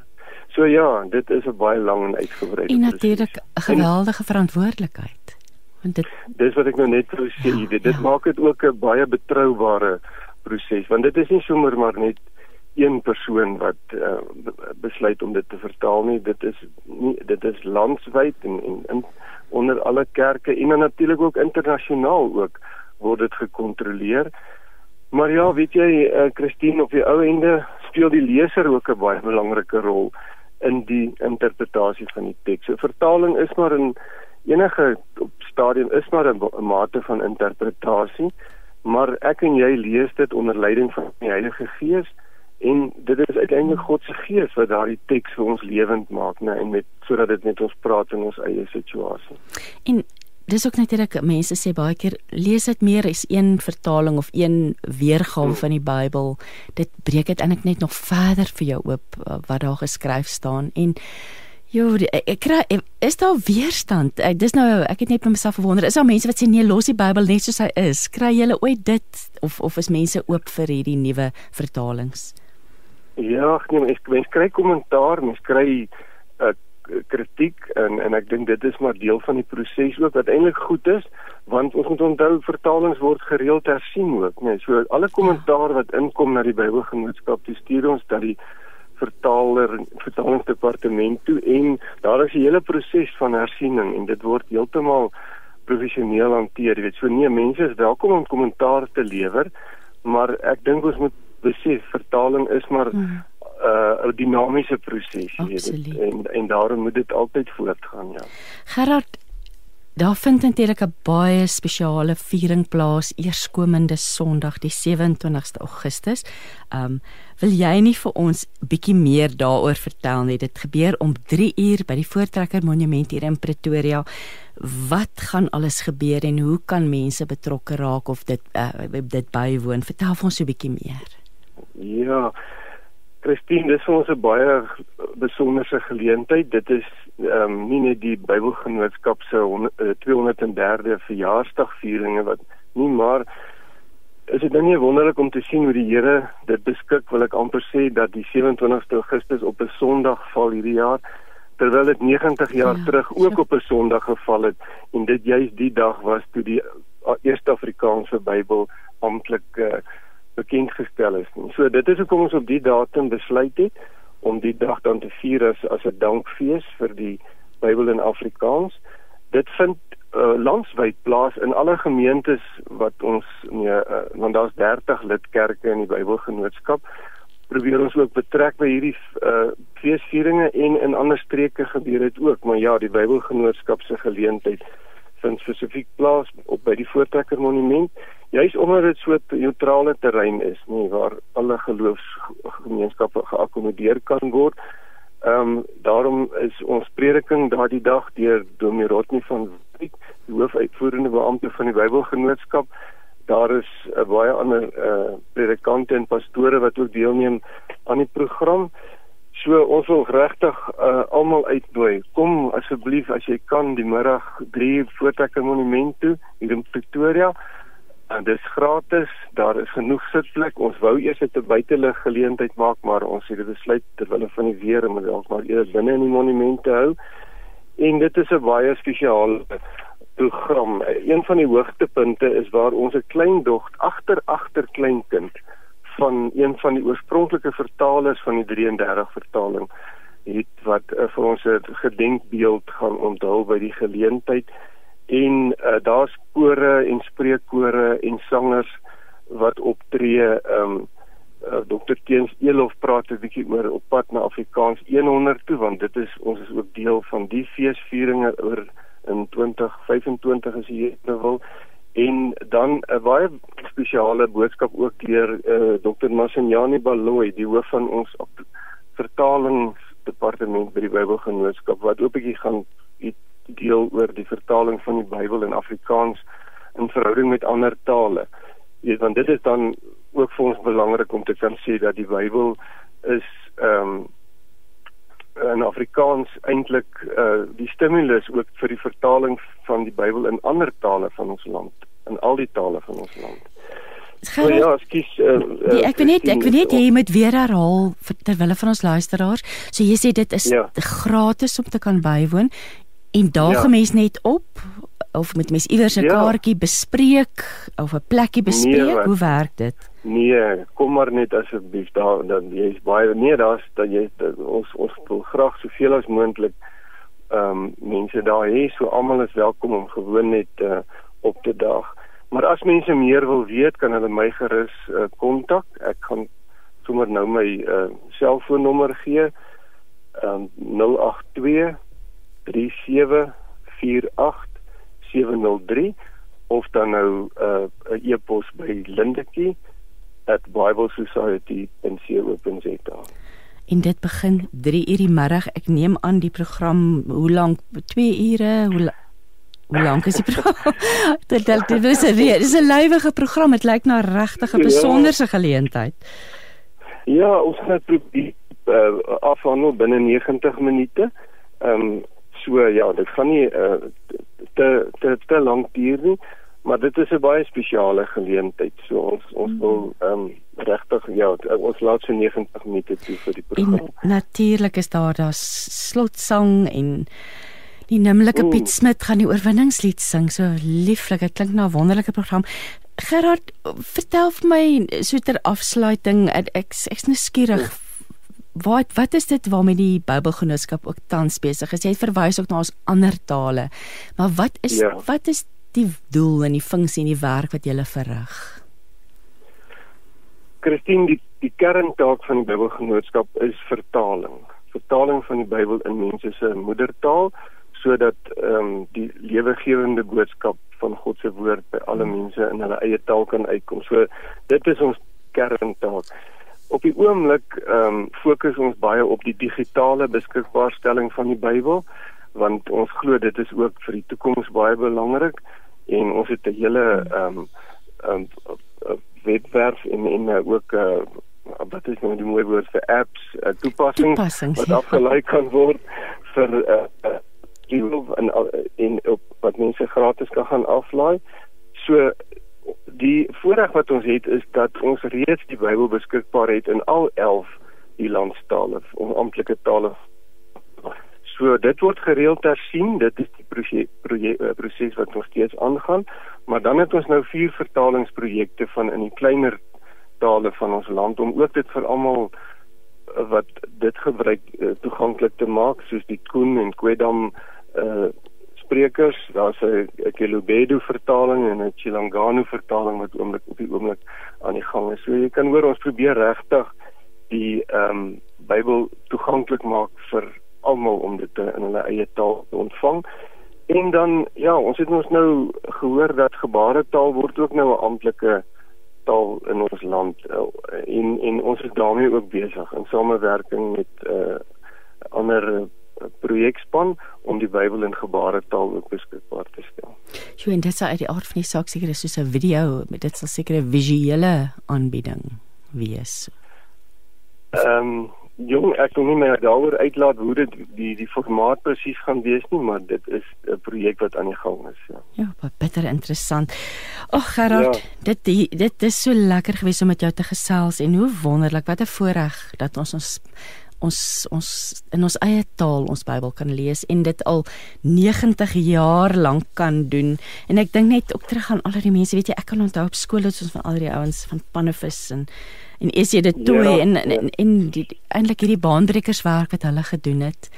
En laat my net dink ja. aan nalatenskap, nee, niks ons doen is verniet nie. Presies, die, die ek wil vir jou sê, um, mense onder, moet nie onderskat die rol wat die Bybel gespeel het in die ontwikkeling van Afrikaans as taal ook ja, nie. Ja. En Dr. Dani Langer van die FHK gaan juist daaroor ietsie ook met ons deel by die geleentheid wat hulle bied saam met ons dit aan daar by die monument. Maar ehm um, ja, ek ek wil amper sê, jy weet woorde soos uh, goedertierenheid is is 'n tipiese woord wat ontstaan het om om dit uh, met die 33 vertaling en en en en spreekwoorde wat die of Bybel gebruik word jy weet uh, iemand staan kop en skouers uit uh, ja. natuurlik verwysing na Saul jy weet ja, en, ja. en in die leeukuil wees en al daai tipe van goed jy weet dit is dinge wat maar beelde wat uit die Bybel ontleen is ja Ja, ek kan ook net dankbaar wees en niks as van selfsprekend aanvaar nie. Weereens, jy weet ons, ons dink net ons kan die ja. Bybel vat en lees, maar daar het soveel bloed, sweet en trane kan mens maar amper sê gegaan om te kom tot hier 90 jaar later. Ek herinner net weer ons luisteraars, daar's 'n heerlike dankfees geleentheid vir die Bybel in Afrikaans 90 jaar Sondag 27 Augustus om 3 namiddag by die Voortrekker Monument. Daar's geen toegangsgeld nie. Jy kan net opdaag saam met jou gesin en saam kom feesvier. Gerard, ek herhaal net die nommer as enige iemand um, dalk 'n navraag het 082 374 8703 anders in sy e-pos lindekie@biblesociety.co www.rsg.co.za. Gerard, nogmaals dankie vir jou tyd vanoggend en ek waardeer regtig dat jy met ons kom gesels het oor hierdie wonderlike geleentheid. Dit was 'n groot voorreg en ons bede is dat die woord van God steeds 'n verskil sal maak ook in ons land in die toekoms. Die afgelope 90 jaar is ons dankbaar vir ons gee ook oor aan 'n nuwe geslag om ook die woord in 'n nuwe omstandighede uh, 'n verskil te maak. Amen daarop. En kom ons luister nou na Christel wat ons gaan sing Closer. Woord van die Here is woorde van lewe. Jy hoor dit op 657 AM. En Christel het vir ons Closer gesing. Dis nou tyd om te gesels met Jan Vermeulen oor 'n nuwe jeugboek om 'n leeu se bek toe te bid. Ehm um, die boek word uitgegee deur Luka en en ja, hulle die storie speel af met ses tieners op 'n vasbyt kerkkamp op 'n plaas. Elkeen met hulle eie geheime en vra oor geloof. Maar ek gaan nou vir Jan vra om vir ons 'n bietjie meer oor die boek self te vertel. Môre Jan. Uh, môre Christine en môre al die luisteraars. Lekker om met jou te gesels Jan vanoggend. Ja, Jan, jy's beide predikant en skrywer, maar ek wil nou vir jou vra waar jou liefde vir skryf vandaan kom vir kom, want jou eerste kortverhaal is dis op die ouderdom van 14 in die tydskrif Patrys gepubliseer. Ja, dit was die destydse jeugtydskrif, ek weet nie hoeveel van, van mense wat vandag nou inluister was baie dit nog jonk genoeg om te lees nie, maar ja, ek Christine, ek dink ek dink sulke hierdie soort liefdes Ehm um, ek dink nog dit word dit word sommer voor jou geboorte al op 'n manier in jou geplant want uh, miskien is dit 'n uh, jy weet 'n soort calling waarmee of met ek liewer sê waarvoor jy gebore word. Kyk. Ehm um, ek was in Sibie, dit was nou daad het of nou dan graad 2. Toe skryf ek my eerste boekie. Dit dit was sommer 'n tekenboekie. Mens het mens daad het hierdie fotoboekies met uh, gekry en en ek het so so my eie fotoboekie geteken met dialoog byskrifte. Dit was nogal 'n misdaad fiksie van 'n inbreker. Maar, maar maar dis dis waar dit fisies ja. begin het. Maar nou moet ek ook sê my maat aan 'n boekklub behoort en ek het van baie jongs af haar boeke begin lees. Miskien toe ek nog nie mag dit gelees het nie want dit was nou Ina Marie en Ella Spence en Beyers Boshoff en even Nines Gonzalez Nou daai jare al hier van laerskool af toe ek begin droom. Ek wil ook eendag vollengte boeke skryf. Maar soos ek sê, ek ek is gebore daarmee, dink ek. Dit lyk vir my dis vir my gegee. Dis iets wat ek moet doen en, en natuurlik graag wil doen ook. En iets wat jy natuurlik baie goed doen want in 2000 verskyn jou eerste jeugboek Geraamtes dra nie klere nie en hierdie boek is met die Sanlam prys in goud, die MER prys, die Skepersprys en 'n ATKV kinderboek toekenning bekroon. Waarom skryf vir jong mense? Dit daai boek natuurlik dit dit was dit was my amper 'n groot wonderwerk. Ehm um, ek wil net toevallig het, eh, eh, dat ek hom geskryf het nie want want want ek glo nie die woord toevallig nie maar maar 'n gemeentelid het my daardie vertel van hierdie jeugroman kompetisie en gesê kom skryf hier nie in nie. Uh ek dink o, jene jeugroman maar maar toe pak ek hom aan en nou ja, dit was nou die begin van van groot dinge, maar uh miskien miskien skryf ek dan nou daarna van aan nou nog hier staan uh miskien hoop ek in myself daar's daar's nog jong mense wat soos ek van kleins af jy weet liefde vir lees en skryf sal sal kweek. Maar maar as ek nou eintlik oor my lewe, my bediening dink, uh waar ek baie altyd nog lief was vir jong mense en vir my jeugwerk. Uh Christine dit dit dit, dit was gebeur dat ek aan jong mense bedien, sien nou maar in 'n erediens of op kampe. Uh en dan gebeur dit dat dat van hulle kort daarna sterf van ongelukke ja. of op ander maniere. En, en dan het ek maar op myself gedink, jene, ek het die voorreg gehad om letterlik vir oulaas weet met die liefde van God vir hulle te bedien. Dit was dit was soms iets wat in 'n week gebeur het, jy weet, na die Sondag wat wat hulle in die kerk was. So nou met my jeugboeke, uh veral nou nou dat dit nou jy weet ek nou uh, amptelik uit die bediening uitgetree het. Uh nou voel dit vir my kan veral met die geestelike boeke uh wat deur Luka nou uitgegee word, het ek die geleentheid om nog steeds aan jong mense te bedien, uh sommer landwyd. En nou hopelik sal eendag wanneer hulle oud geword het, weet sal hulle met waardering kan terugdink aan sulke boeke wat hulle as jong mense gelees het. So dit voel vir my, jy weet, dis 'n bediening wat wat wat net aanhou tot ek nou die dag my kop ook sal neerlê. En natuurlik eh, ek het vroeër met Stefan Skutse gesels en hy het gesê al is dan net een sinnetjie hy laat iemand kan onthou maar daardie sinnetjie het my lewe verander. Um, en ek dink vir alles dit kom by jeug. Ehm um, want die kinders, wel, die jong mense leef in 'n ander tyd as wat ons groot geword het. Ek wil nou vir jou vra hoe hoe bly jy in voeling of hoekom die die gedagtes, hoe die temas, hoe hoe hoe werk die proses vir jou om as 'n mens sekerlik ook anders dink en praat as jy vir die jeug skryf? Ja, nee, absoluut. Uh ek ek ek dink mense moet van 'n baie groot fout maak as hulle dink dat om vir jeug te skryf is maklik. Dit is mos nou net vir kindertjies. Ja maar maar dit is soveel moeiliker maar ja uh, hoe sou ek gesê my my bediening my hele lewe deur was was basies aan die aan die jeug ehm um, so so mense het met die jare geleer om te luister en te kyk uh en te onthou en jy onthou jou eie jeugjare dinge wat jy weet vir jou belangrik was en in in gebou het so, so mense probeer bou dit nou terug jy probeer terugploeg in jong mense van vandag se lewe maar ja, die jong mense het verander, nee, hulle leef in 'n ander wêreld. Hulle hulle hulle hulle het 'n global village. Uh, dit is hulle woonplek. Vir, vir ons is dit maar net ons landjie hier waar ons is. Maar ja, ek kan nie so baie nou met jong mense dit nie maak 'n tiener dogter op die oomblik in die huis, my vrou se dogter. Met haar pelle so ek ek hou maar my oor baie baie mooi op die grond en luister mooi en om in voeling te bly. En natuurlik, uh, daar's ook plek vir vir vir die wysheid van om as ouer persoon te skryf, nê, om daai wysheid wat jy oor die jare geleer het, dan terug te ploeg en terug te bou in hierdie in hierdie verhale. Um maar ek wil nou vir jou vra om 'n leeu se bek toe te bid. In die eerste plek 'n baie treffende titel. Um pragtige omslag hierdie groot leeu, dis 'n boek wat jy nie gaan miskyk op die rak nie groot leeu op die omslag in in 'n in 'n figuur in voor die voor wat voor die leeu staan. Vertel so 'n bietjie meer oor hierdie jongste boek se storielyn, oor die karakters natuurlik sonder om te veel weg te gee, maar maar wat wat wat kan jong mense te wag te wees wat graag hierdie boek of ouers wat hierdie boek vir hulle jong men vir hulle kinders wil koop. Wat kan ons te wag te wees?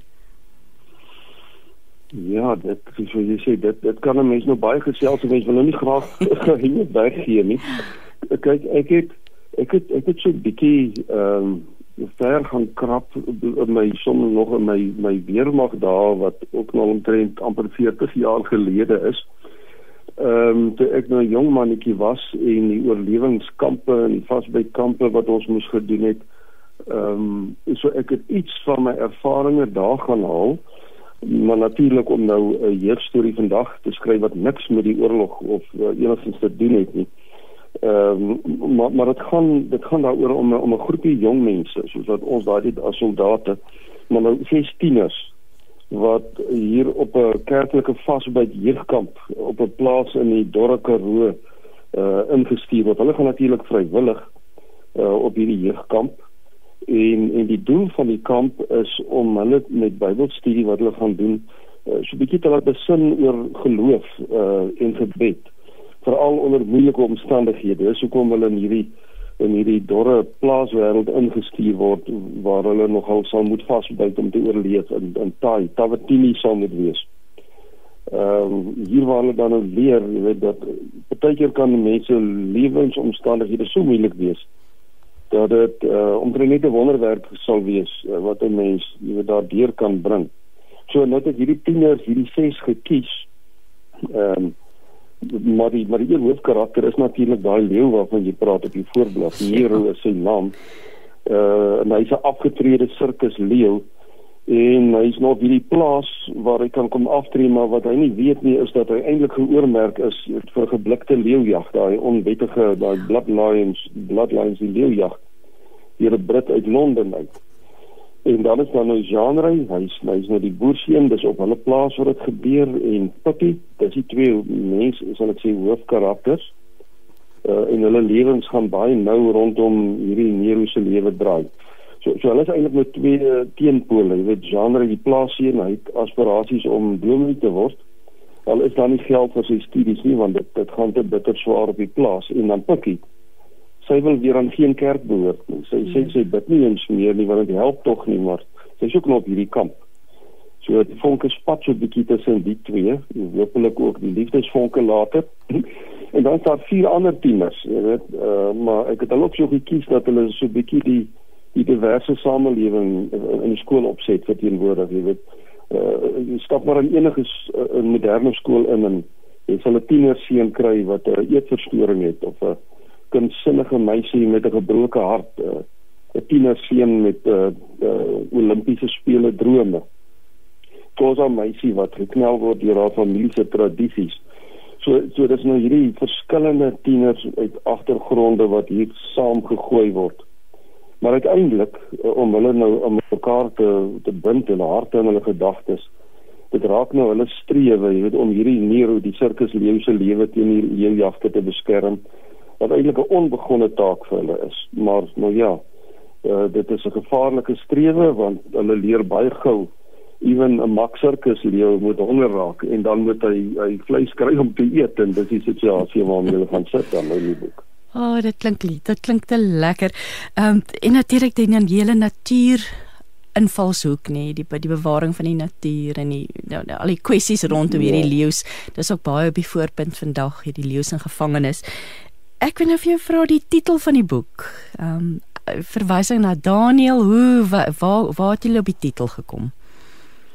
Ja, ek het ek het eers 'n heel totaal ander titel gehad waarmee die die die uitgewers happy was, maar het gesê dis te filosofies vir vir 'n jeugboek.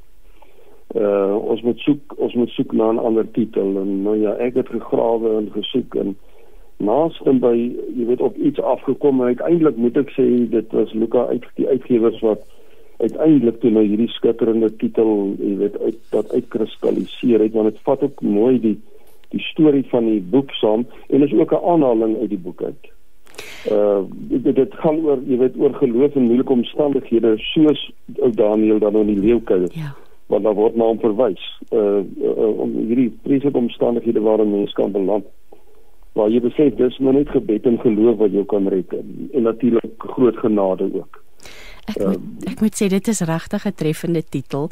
Ehm um, dit spreek dit spreek eintlik tot enige iemand. Ek neem aan groot mense kan ook maar hierdie boek lees. Ja, wie ek Christine dit is uh dis altyd nog my strewe om enige jeugboek so te skryf dat dat dit uh dit volwassenes ook moet boei. Ehm um, want want uh, die kwessies wat in in in die jeugboeke op in jeug jong mense se lewens uh moet is tog maar dinge wat in volwassenes se lewens ook moet. Ja. So die storie kon net sowel met volwassenes gebeur het, maar nou kies ek die karakters as as jong mense om om om om dit jy weet net 'n bietjie ander kleur te gee, maar die kwessies van die boek ja, absoluut vir volwassenes ook soos jy nou sê die kwessie van die van die geblikte leeujag, die natuur Daar's 'n paar ander kwessies ook in die boek wat miskien nou tyd het om aangehaal te word, nie iets oor die verlede van ons land. Alsulke dinge word bygebring. So ja, ek glo ek glo volwassenes sal die boek op absoluut kan geniet. Op die skitblad sê dit dat die boek gaan jou nuut laat dink oor gebed, geloof en genade. Kom ons praat 'n bietjie daaroor want ek is seker as predikant kan jy jouself amper nie help om hierdie in te weef nie. Dit is so deel van jou kern. Ehm um, so wat wat wat moet ons daaroor weet? Wat is die boodskap rondom dit wat jy in die boek ehm um, oordra? dis dit is weet wat jy nou sê jy weet dit is 'n kwessie wat myself ook baie na in die hart lê en dit dis daai groot vraag wat mense altyd vra en my hele bediening deurgevra het wat ek tot vandag toe nie reg kon beantwoord nie want jy kan nie jy kan nie dit nie sekere formule om in elke een se spesifieke omstandighede jy weet te beantwoord nie maar maar dit gaan daaroor dat dat 'n mens besef dinge werk nie altyd presies uit soos wat jy gehoop het of selfs soos wat jy gebid het nie. Ehm um, maar die boek die boek probeer ook sê dat uh, al werk dit nie altyd so uit nie onthou net God sal altyd nuwe deure oopmaak.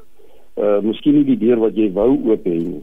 Uh, hy sal vir nuwe wêrelde laat oopgaan uh, en hy doen dit dikwels deur wonderwerke. Iemand het eendag so mooi geskryf hy, hy sê jou krisis word jou wonderwerk en hy sê elke wonderwerk soek net 'n plek om te gebeur en dit is dalk in jou lewe. Hm. Uh met Pikkie die die meisie in in die storie wat nou 'n maar 'n harde meisie is, het hard groot geword. Sy het vra op 'n stadium toe hulle nou so Bybelstudie hou in die kring, jy weet daar in die veld. En hulle praat oor wonderwerke. Toe vra sy net vir die ander tieners, die Tawatini soos ek hulle noem of hulle al 'n genuine wonderwerk voor hulle oë gesien gebeur het. En dan bedoel sy nou nie jy weet wonderwerke wat wat by, by hulle noem dit nou 'n show, 'n vertoning, jy weet ja, van ja. wonderwerke was. Dis hy praat nou van genuine wonderwerke. So uh, selfs volwassenes wat die boek lees, sal sekerlik ook wonder, jy weet, oor hierdie vraag. Die werklikheid van wonderwerke in ons alledaagse lewe. Uh, want jy weet die, die alledaagse lewe voel ons baie maklik vir 'n mens soos 'n leeu kyk. En dan, nou ja, om dan te sê dat die lewens in jou lewe se bekke toegebid word. Dit is seker daai wonderwerk wat dikwels gebeur wat 'n mens dalk nie altyd sien as 'n wonderwerk. So die boek gaan gaan oor geloof, maar ook daai aanvaarding. Geloof beteken nie dinge gaan presies uitwerk soos jy dit wil hê nie. Maar maar die geloof, eh, dit is jou geloof, jy is een en wie jy glo. As jy weet daai God kan jou deur sy wonderwerke kan hy vir jou ander wêrelde in nuwe wêrelde oopmaak. Uh, dit gaan oor die dit dis jy moet werk om te bly glo, om te bly bid. Al lyk dit asof die reën nie kom as jy op hierdie plaas waar dit so droog is. Jy weet en mense al onwettige dinge wil begin aanvang om te oorleef. Ek wil nou vir ons 'n stukkie uit hoofstuk 19 voorlees. Ehm um, en ja. dis juist bietjie wat hier hier ook betrokke is. Ehm um, dit jy skryf, hulle sit plat op die klipvloer in 'n kring op die Merasie se stoep. Die geur van gebraaide hoender, blikkies groente en moerkoffie hang in die lug. Twee Bybelstudies op een dag. Pikkie se irritasie meet, meet, meter wys 'n hemelhoë lesing. Ja, dan hoef ons nie die laaste dag ook een te doen nie. Ons kan elke dag twee doen, sê Willow. Ek leer so baie. Dankie. Hy skuif sy boeke reg. Kon julle al vir 1 uur aan een bid? Willow kyk op na hom. Haar oë is skielik reënwolke wat enige oomblik kan uitsak. Wel ja, ek doen dit gereeld as ek nie kan slaap nie, maar twyfel is my grootste probleem. Pikkie sug, naas naïef wees. Maar ek glo ook, regtig, ek glo, die ding is net ek twyfel of ek die moeite werd is vir hom. Hom met 'n hoofletter of 'n klein letter albei. So sjoe, daai twyfel aan jouself, ehm um, dis iets wat wat jong mense, tieners baie mee sukkel ook. Hoe het jy dit in hierdie in hierdie storie ingeweef? Ek dink ek dink in, in die eerste plek is is dit die wat ek wat ek probeer doen net ek hoop dat hierdie kuns bemeester is is om is om te wil sê dit, dit, is nie sonde om te twyfel nie. Ja. Ja. Dit is menslik. Ja. Want want op 'n manier twyfel almal, ewen ewen Jandre se pa wat nou die boer is en en en hy ploeg sy lande en en die dominee vra weet wat se stof is dit? Wat ploeg die boer so as da, as dit so droog is? En die boer se vrou sê man maar hy glo as hier wanneer die reën kom dan moet die lande geploeg wees. So hy ploeg al is dit net stof. Maar hy begin ook te twyfel. Daarom wil hy hierdie leeu laat jag om 'n klomp geld te maak onwettige jag op sy plaas toe toepas. So is so menslik vir groot mense en vir jong mense. Mm. om te glo maar tog ook te twyfel soos wat daai ou wat na die Here toe gekom het met sy uh, seun wat wat wat besete was en die Here hom gevra het glo jy dat ek hom kan genees? Toe sê ja Here ek glo maar kom net my ongeloof te help asseblief so, so dit is wat ek probeer laat uitkom in hierdie storie dat dat dat ewen met jong mense uh 'n mens glo maar die omstandighede wys nog baie keer dit dit kan net nie wees nie. Maar met my ongeloof gaan ek ook na die Here toe. En ek probeer dit in die in elkeen se se se se sal ek sê intriges elkeen waarmee hulle na die kamp toe gekom het om te sien hoe dit gekanaliseer word. Bring bring ook jou ongeloof en en kyk wat maak ek dan daarmee. Ehm um, ja, so so ek het ook eendag gesê geloof is nooit 'n eindpunt nie. Mens kan nie sê ek is nou gelowige, ek glo nou nie want ja. net môre gebeur iets met jou wat jou weer in twyfel gooi. Geloof is 'n proses. Dit is so daai mosterdsaadjie wat groei. En as die boom groot is, dan maak hy nuwe sade en dan moet hy weer van voor af groei. Maar dit is 'n proses waarmee jy net besig moet bly met net nie ophou nie, net nie ophou glo nie. Dis my baie mooi jy dra die boek op aan elke gelowige tiener wat wil vasbyt in die geloof en dan natuurlik aan Teddy die beroemde leeuwelpie wat tydens Suid-Afrika se grensoorlog vir doppies sy tuiste moes maak. So pr pragtig, pragtig en wie dit opdra en jy sê ook nooi lesers uit om ook te gaan lees oor Teddy se einde. Maar elke gelowige tiener wat wil vasbyt in die geloof, eintlik elke elke persoon wat wil vasbyt in die geloof, dis ons hart. Ja.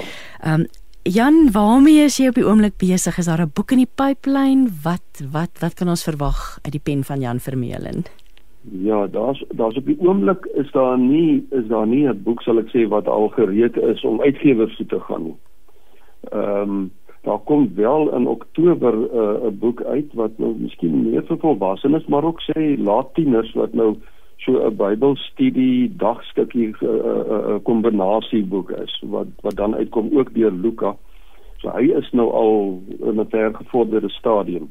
Ja, en en dan broei die nuwe boeke nog net in my kop uh met titels en so ek het al gedink ek is hierdie week nog besig, maar maandag dan moet ek weer op die man die weet weer weer eel te gaan kry op op die op die sitplek waar ek kan sit yeah. Ja. om weer te begin skryf want want ophou sal ek seker nou nie jy weet ek hoop my brein bly nog uh, helder dat ek nog kan aangaan tot die einde toe en natuurlik daai wonderlike gedagtes van inspirasie want dit soms maar hoe dit kom 'n gedagte hier 'n gedagte daar en dan word dit word dit 'n storie. Jan baie dankie vir jou tyd vanoggend. Ek herhaal net terwyl van ons luisteraars die titel van die boek.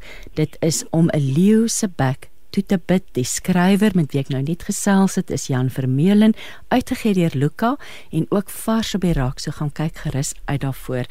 Um Jan, alles seën op hierdie boek. Mag dit harte aanraak, mag dit lewens verander en en mag jy vir altyd en altyd aanhou skryf en sulke wonderlike stories vir ons jeug bring en vir groot mense natuurlik. Baie baie dankie. Dankie Christine, ek waardeer dit ook vir Radio Kansel vir skies tog vir wat julle doen om dit so bekend te stel, maar ons weet dit gaan nie net oor die boek nie verkoop ja. Dit gaan regtig om die boodskap ook ergens uit te bring. So ek sê vir julle baie dankie daarvoor. Absoluut. Absoluut. Maar kom ons luister na musiek en Jan, alles wat mooi is. Ek groet vir jou. Ons gaan dankie, luister dankie. nou na Trevor Malgas wat vir ons sing Jesus red my. Jesus red my deur Trevor Malgas. Ek kan nie glo ons is weer aan die einde van nog 'n program nie. Die tyd vlieg so vinnig en ja, dit het nou tyd geword om te groet. Ek wens jou alle seën toe liewe luisteraar. Mag die Here met jou wees in hierdie week. Mag jy sy teenwoordigheid tasbaar en sigbaar in jou lewe sien. Ons gaan nou luister na Melanie Vosloo wat vir ons afsluit met 'n stilte tyd meditasie. Ek sê dankie vir Mpom manne vir die tegniese versorging en ek groet jou tot volgende week dan. Totsiens. So maklik soos die druk van 'n knoppie. Die boodskap van die lewe op 657 Radio Kansel en 729 Kaapse Kansel. Welkom by hierdie saamluister. Ek wil jou nooi om weer tot rus te kom by die een wat altyd op jou wag. Mag jy stil eenkant plek kry waar jy nie gepla word nie en dan rustig word deur lekker diep asemhaal te voel hoe jou lyf ontspan as jy so diep asemhaal. En dan tot rus te kom by die een wat nou daar by jou is. Die een wat jou met groot liefde omsluit. Ek is seker jy het die woorde wag nie al baie gehoor en verander gesê veral dalk vir jou kinders. Veral as jy beleef dat ander ongeduldig is, Dat jy nog nie gereed is nie, dat iets eers afgehandel moet word. Dat dit nie nou die tyd is vir jou om aan enige iets aandag te gee nie. Ons lewens bestaan uit wag. Ons wag in rye. Ons wag vir ons maandelikse salaris, vir kos en petrolpryse om af te kom, vir ligte om permanent aan te gaan. Soms wag ons op 'n goeie uitkoms, antwoorde, genesing, die verhoring van gebed. En dan voel die wag eindeloos frustrerend. En ons wonder selfs help dit nog om op die Here te wag? Onthou, God sien jou elke oomblik van jou elke dag raak daar waar jy is. En sy alles weet, ken hy jou behoeftes soos die palmlyne van sy eie hand en weet hy waarin elke lewenslyn van jou loop. Wanneer ons ongeduldig raak en ons eie ding wil doen omdat hy nie gou genoeg antwoord nie wanneer ons kort baie kies en sy hand los maak ons gewoonlik erg droog. Dan kies ons baie keer iets wat minder is ja dan kan ons maklik geluk en vrede in ons eie sinnigheid misloop stil word en gebed behoort nooit net 'n vinnige gee gou doel te hê waar ons net op uitkoms of op 'n eindbestemming fokus nie. Veel eerder kan ons liewer net in hom ontspan in ons gebed op sy ritme reis. Want dis wanneer hy ons soms skielik en soms na 'n lang tyd met sy teenwoordigheid en sy antwoorde en sy uitkoms onverwags seën. Die wonderlike is dat God in wagtye fantastiese goed met ons kan laat gebeur. Daar in ons moedeloosheid en ons ongeduld van wag, werk hy met ons harte. Dalk leer hy ons geduld, dalk aanvaarding, miskien vertroue. Miskien maak hy ons oë oop vir ander antwoorde, vir 'n nuwe perspektief. Gee hy vir ons insigte, groter wysheid. Dalk in ons wag gee hy vir ons 'n beter uitkoms as waarop ons kon hoop. Iets wat baie ryker en mooier is as wat ons ooit kon dink. Weet vandag, soms is God se antwoorde op ons gebede dadelik. Ervaar ons sy sagte aanraking die oomblik wat ons ons gedagtes op hom rig. Soms vind ons in ons stellende tye onmiddellike troos en beleef ons dat hy in daardie oomblik dadelik by ons is. Ander kere kan ons egter beleef dat ons baie lank moet wag, moet stoei met 'n situasie. Wagtyd kan genadetyd wees. 'n Tyd waarin jy ryp word vir iets anders. 'n Tyd waarin jy nie noodwendig die uitkoms kry waarop jy gehoop het nie, maar 'n tyd waarin jy God op 'n diep manier raakloop. Ja, soms is wagtyd juis genade tyd omdat hy iets beters vir jou in gedagte het. Vandag deel ek Psalm 27 vers 14 met jou. Stel jou hoop op die Here. Vertrou hom. Hou moed. Wees sterk. Moenie toe opgooi nie bly wag op die Here. Kom ons bid saam.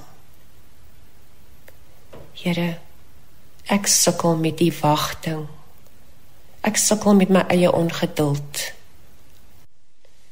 Leer my asseblief om nie op my eie behoeftes te fokus nie, maar op U.